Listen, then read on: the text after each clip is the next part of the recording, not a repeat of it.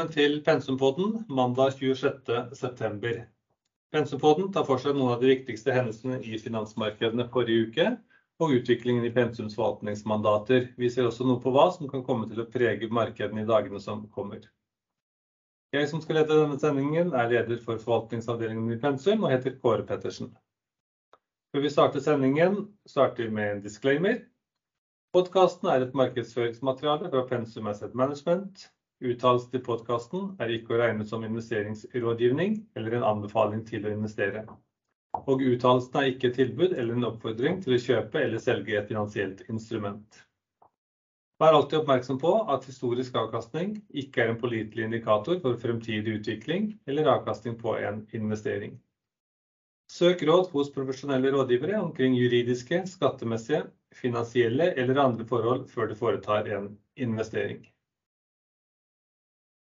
Ja, vi har uten tvil lagt bak oss en ehm, svært volatil periode i aksjemarkedene, som vi veldig snart skal komme tilbake til, med relativt store fall på kort tid. Eh, vi har hatt ehm, en oljepris som har falt mye, krona som har svekka seg, eller kanskje rettere sagt dollaren som har styrka seg og vi har uro i forhold til eh, russisk eh, mobilisering i forhold til krigen i Ukraina. Så det er mye som skjer på en gang.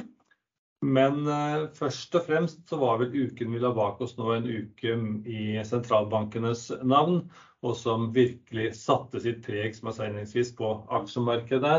Og dessverre på en måte som gjorde at markedene falt relativt mye. Eh, noen markeder ble da godt beskyttet eh, av dollarstyrkelsen eller kronesvekkelsen. Men uansett så var det en negativ stemning i aksjemarkedet. Og vi tenker å ta en gjennomgang av uken som var ved Bjørn Riise, som tar oss gjennom de viktigste hendelsene. Så vær så god, Bjørn. Ja, takk for det, Kåre. Um, jeg skal gå gjennom uh, i korte trekk det som preget uh, sist uke. og det er jo dessverre en litt sånn nedstemt uh, ukerapport her, men uh, vi vet jo det at uh, verdens aksjemarked har vært under press de siste ukene. og Sist uke ble jo oppmerksomheten rettet mot, spesielt mot den amerikanske sentralbankens policymøte som ble avsluttet på onsdag. Så fra møtet ble det kunngjort en økning på 0,75 prosentpoeng øk, eh, økning i, i Federal Funds-renten, som brakte, brakte den til et målområde på 3 3,25% som er det høyeste siden mars 2008. Men eh, de kommentarene som fulgte møtet, så ut til å bekymre investorene enda mer. hvor eh, det var noen av disse eh, komitémedlemmene i, i, i, Federal Reserve som, som uttalte at um, deres individuelle forventninger til fremtidige renteøkninger, som viste at flere av de forventer at renten vil nå 4,5 innen utgangen av dette året, og holde seg rundt det i store deler av 2023. Eh, Så um, det satte sitt preg på aksjemarkedene. så Dow Jones falt i uken med 3,99 eh, SMP og Nasdaq falt henholdsvis 4,65 og 5,07. Um, så var det en uttalelse fra uh, Feds uh, chairman, uh, Feds leder Jerome Powell, som ganske presist sa ingen vet om denne prosessen med å heve rentene vil føre til en resesjon, eller i så fall hvor betydelig den resesjonen vil være. Dette også bidro til et eh, økt nervøsitet i markedet.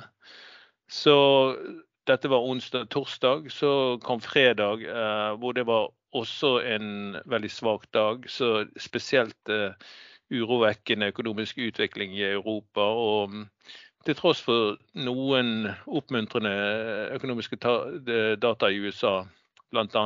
målet for produksjons- og tjenesteaktivitet. Eh, begge overrasket eh, eh, positivt i, i, forhold til forventningene.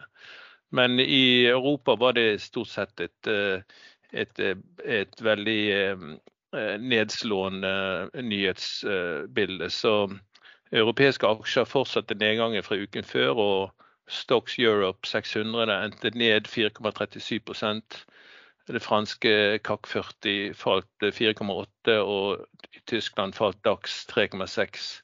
Italia eh, falt 4,7 på, på Milano-børsen. I UK eh, falt FTSE 100 med 3% og rentene på tyske tiårige statsobligasjoner steg til nye tiårshøyder ettersom sentralbankrenteøkningene førte til markedets forventninger Eh, til høyere rentebane fra ECB. Så det, det vil komme ut eh, siden en eh, kunngjøring fra ECB faktisk denne uken. Så Det var egentlig hovedtemaet på tvers av de europeiske markedene, med både italienske, og spanske og franske renter som også steg over hele linjen.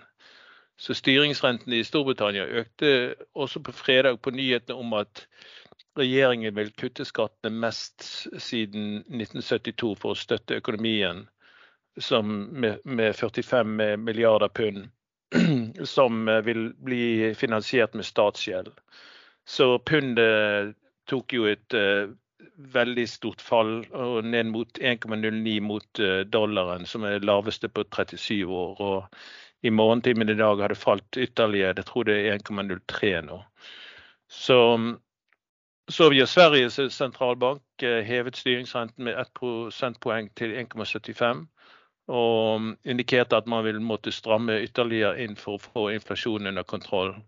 Samme i, i, med Norges Bank. De økte renten med 50 basispunkter for tredje gang på rad til 2,25.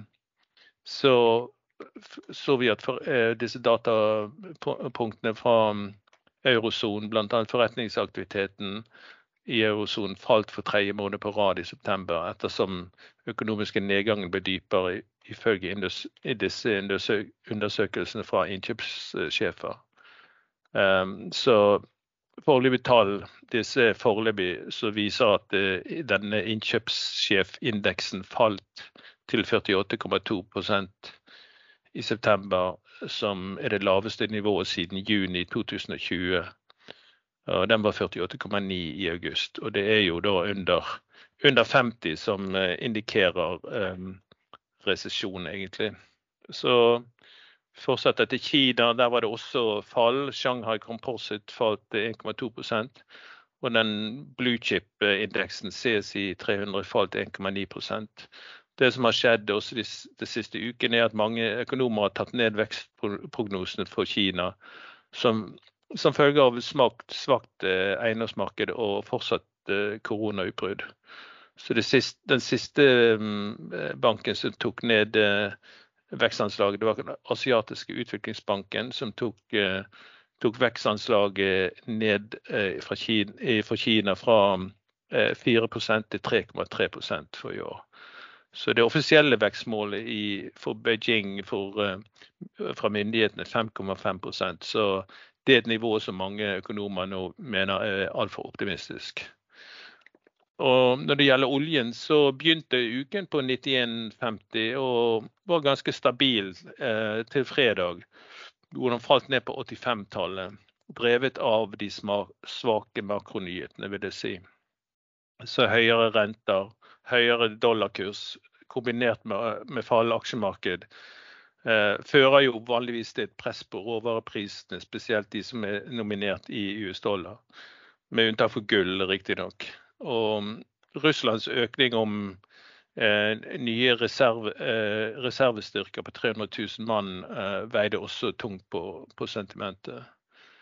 Eh, bare kort om, om, noen av aksjene på Oslo Børs. Eh, Oslo Børs var svak. Eh, var ned 5,36% de, de som holdt seg best, var Telenor, opp med 0,58 Storbrann 0,56 og eh, REC silikon eh, var bare ned 0,38 eh, De svakeste på, på, den andre side var PGS, ned 22,4% Kahoot den har jo vært svak lenge, ned 15,3% og Norwegian Airline ned med 12,9% Så det var vel kort um, ukesrapporten.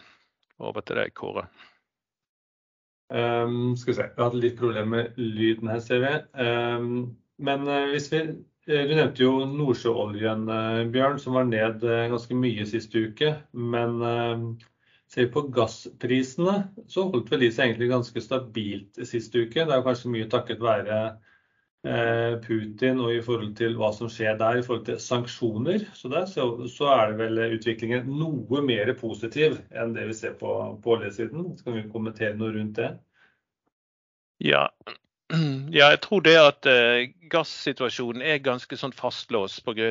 at uh, det, det, det, går, det, meste går jo uh, i rørledninger. Så det er lite det er lite tegn på at den situasjonen skal, skal avklares, at det blir mer, mer gass fra Russland. Og vi går jo vi går jo riktignok eh, inn mot vinteren, og det begynte å bli kaldere um, i Europa. Og um, selv om lagrene er jo ganske, ganske um, komfortable for øyeblikket, så, så, vil, så, vil, det trekkes ned utover uh, vinteren. Så gass er mye mer sånn uh, stabilt på den måten at det, det, kan, det, er lite, det, er lite som kan endre det på kort sikt. Mye av gassen brukes jo til oppvarming, som er egentlig mindre påvirket av uh, eh, sånn eh, brå økonomiske endringer. Men olje er jo mye mer sånn barometer for, for økonomien, pluss at det er notert i US-dollar, som, som, har jo steget, steget mye. Ja. Hvis vi går litt til dette med valuta, da, tar en liten, en liten kikk på det. så er det klart det har vært voldsomme svinger i det siste. Ehm, går vi tilbake til ehm, ja, ehm, forrige møte så snakket vi om 10,18 på dollaren. På fredag endte den på 10,59. Og nå på morgenen i dag så er vi oppe på 10,72 eh, på dollaren. Eh, tilsvarende har Ebron gått fra 10,20 til 10,26 nå på fredag og videre til rundt 10,33-10,34 eh, i dag. Det er klart at det har skjedd mye på kort tid. Vi skal ikke lenger tilbake enn uh, ja, i slutten av august måned, temmelig nøyaktig én måned nå, så sto eksempelvis euroen i 963 som, som, eksempel. Og Det er jo flere land som gjør tiltak, som du sier. Nevnte Storbritannia. Eh, tar vi Japan eksempelvis, så intervenerte jo de i valutamarkedet nå i forrige uke. Første gangen på 24 år.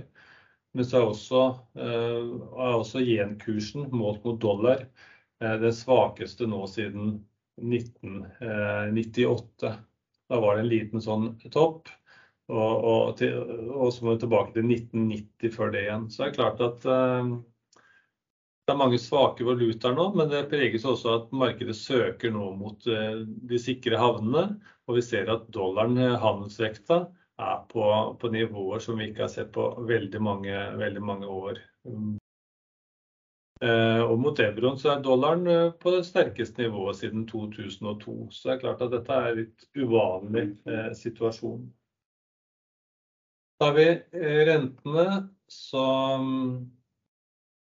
så, vi, så, har vi nå steget fra eh, rundt 2,5 2,6 begynnelsen av august måned til nå 3,8 ca. på morgenen i, i, dag. Så det er klart at her har vi også sett en betydelig oppgang, som uh, egentlig svar på det Bjørn snakket om, og hvor korte renter nå ser ut til å skulle toppe ut på rundt 4,6 i henhold til, uh, i henhold til sentralbanken sine prognoser. Og vi ser at, eh, at eh, realrenten, tiårs realrenten i USA har nå gått fra å ha vært eh, nede på minus 1 cirka, her i våres, til nå ligger på ca. pluss 1,3% Så det er også et, et, høyere nivå enn vi har sett på veldig veldig lenge. Vi var jo på litt over 1% tilbake i slutten av 2018, så dette er et nivå vi ikke har sett på veldig lenge. Um, ja. Um, hvis vi oppsummerer rentemøtene siste uke, så var det jo USA som satte opp 0,75 til 3,25. Norge satte opp 0,50 til 2,25. Sverige satte jo overraskende opp hele 1% til 1,75. Og England satte opp 0,5 til 2,25. Det er vel de viktigste å ha med seg. I tillegg så var det jo andre møter Tyrkia, Sveits og så. Ja, hvis vi nå har vi jo vært litt innom dette med råvarer, litt med gull som Bjørn nevnte, litt på gass, litt på olje. Vi kan bare også ta med i forhold til noe som vi er opptatt av her på hjemlige arena, nemlig sjømatprisene, lakseprisene. I og med at det har stor betydning for en viktig sektor, så lå jo de på godt over 100 kroner kiloen gjennom våren og langt inn i andre kvartal. Så fikk vi da gjennom juli og august en betydelig nedgang, og det så ut som markedet bundet ut på rundt 55, og så har det ligget på drøye 60 de siste ukene. Men vi ser vel at inn i denne uka her så ser det ut som å skulle lande på rett rundt 60. Minste fisken kanskje litt under, og den største litt over 60 kroner kiloen. Så det er også noe å ha med seg. Hvis vi går til tallene for sist uke, så nevnte jo Bjørn en del av hovedindeksene. Men vi kan også ta med verdensindeksen som var ned 5,1%, og dermed er den ned nå 23,9% siden nyttår. Men godt hjulpet av en svak norsk krone relativt til dollaren, så ble nedgangen begrenset til 1,3 Um, Og på hevesbasis så er den da på 8,5%. Men vi kan ta en liten gjennomgang også av de ulike mandatene. Jeg kan bare begynne med Pensum Global Opportunity, som har hatt en fin utvikling i det siste. Det hadde da 2,6% oppgang og er nå opp hittil i år med ca. 1,4%. Det er i samme periode som verdensindeksen da har falt med, som jeg nevnte, ca. 9% da målt i norske kroner. Hvis vi går gjennom de ulike porteføljene, så var det vi kan ha som utgangspunkt at Oslo Børs falt 5,4%. Vi hadde en nedgang på ca. 5,6% i utbytteporteføljen. Da gjorde vi jo litt grep i forrige uke. Vi tok ned, vi har satt ned Norsk Hydro. Vi har også solgt oss betydelig ned i Sparebanken 1 SR-Bank.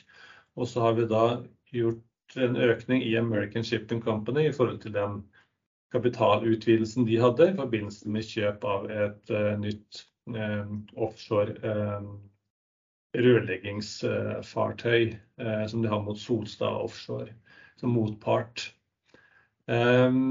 Vi har dermed økt kontantbeholdningen ganske klart nå, ligger på rundt 6,1% kontantandel i porteføljen.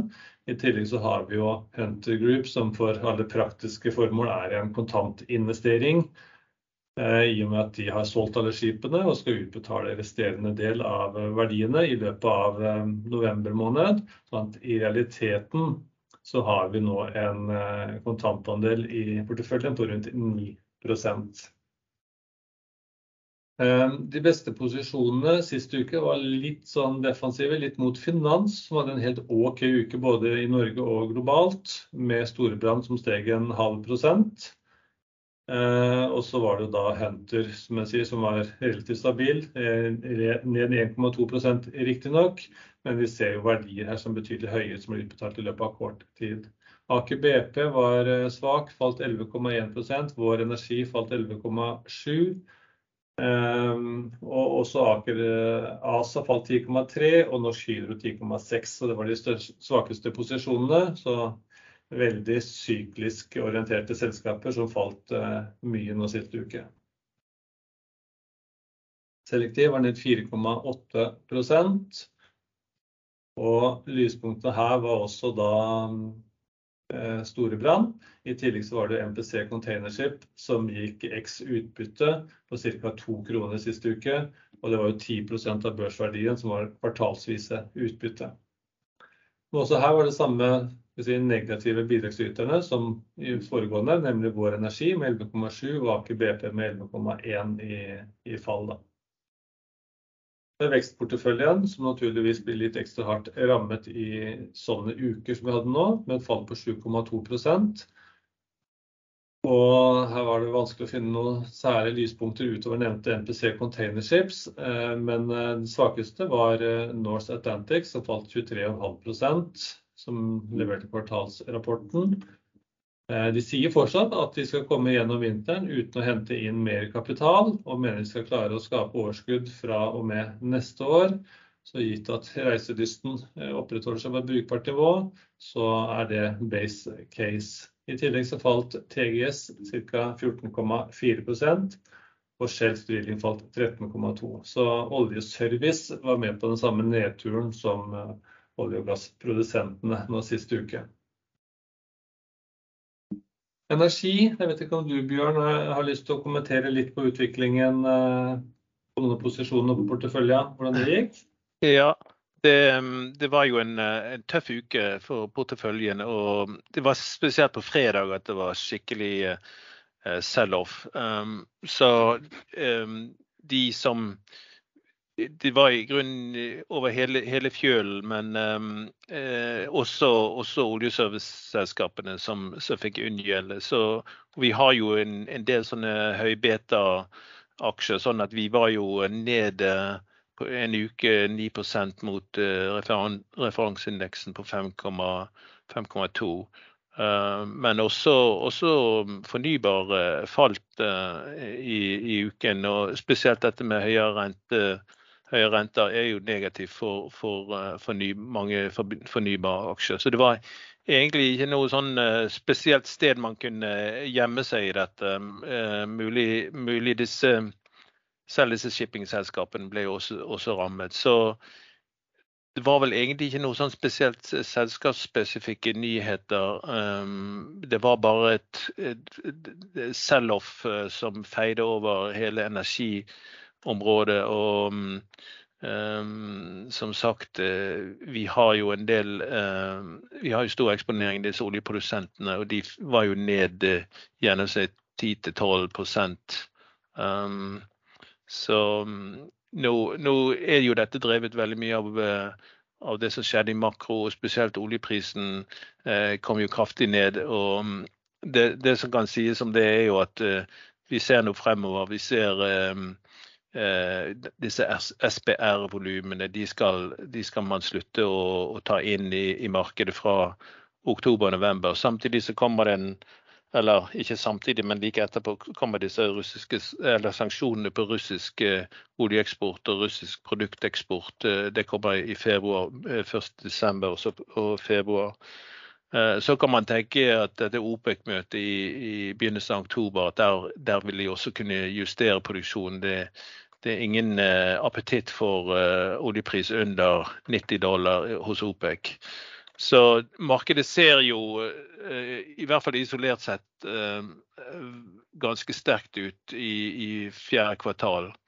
Um, så dette mm, Jeg har ikke noe tro på at dette, dette nedsalget fortsetter på, på, denne måten. Jeg tror dette er en, en, en, eh, en respons på alle de nyhetene som kom i denne uken. Og jeg tror det vil ta seg opp igjen. Og spesielt når det gjelder sånn, eh, tilbud og etterspørsel, ser det mye strammere ut når man kommer inn i, i fjerde kvartal.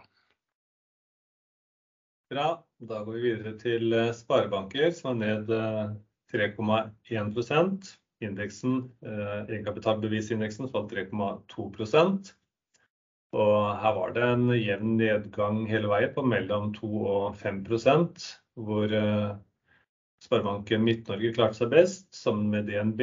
Begge falt 2% Og så var det nedgang på 5,4% på Sparebanken Vest, som var den svakeste, og Sørøst-Norge på 4,9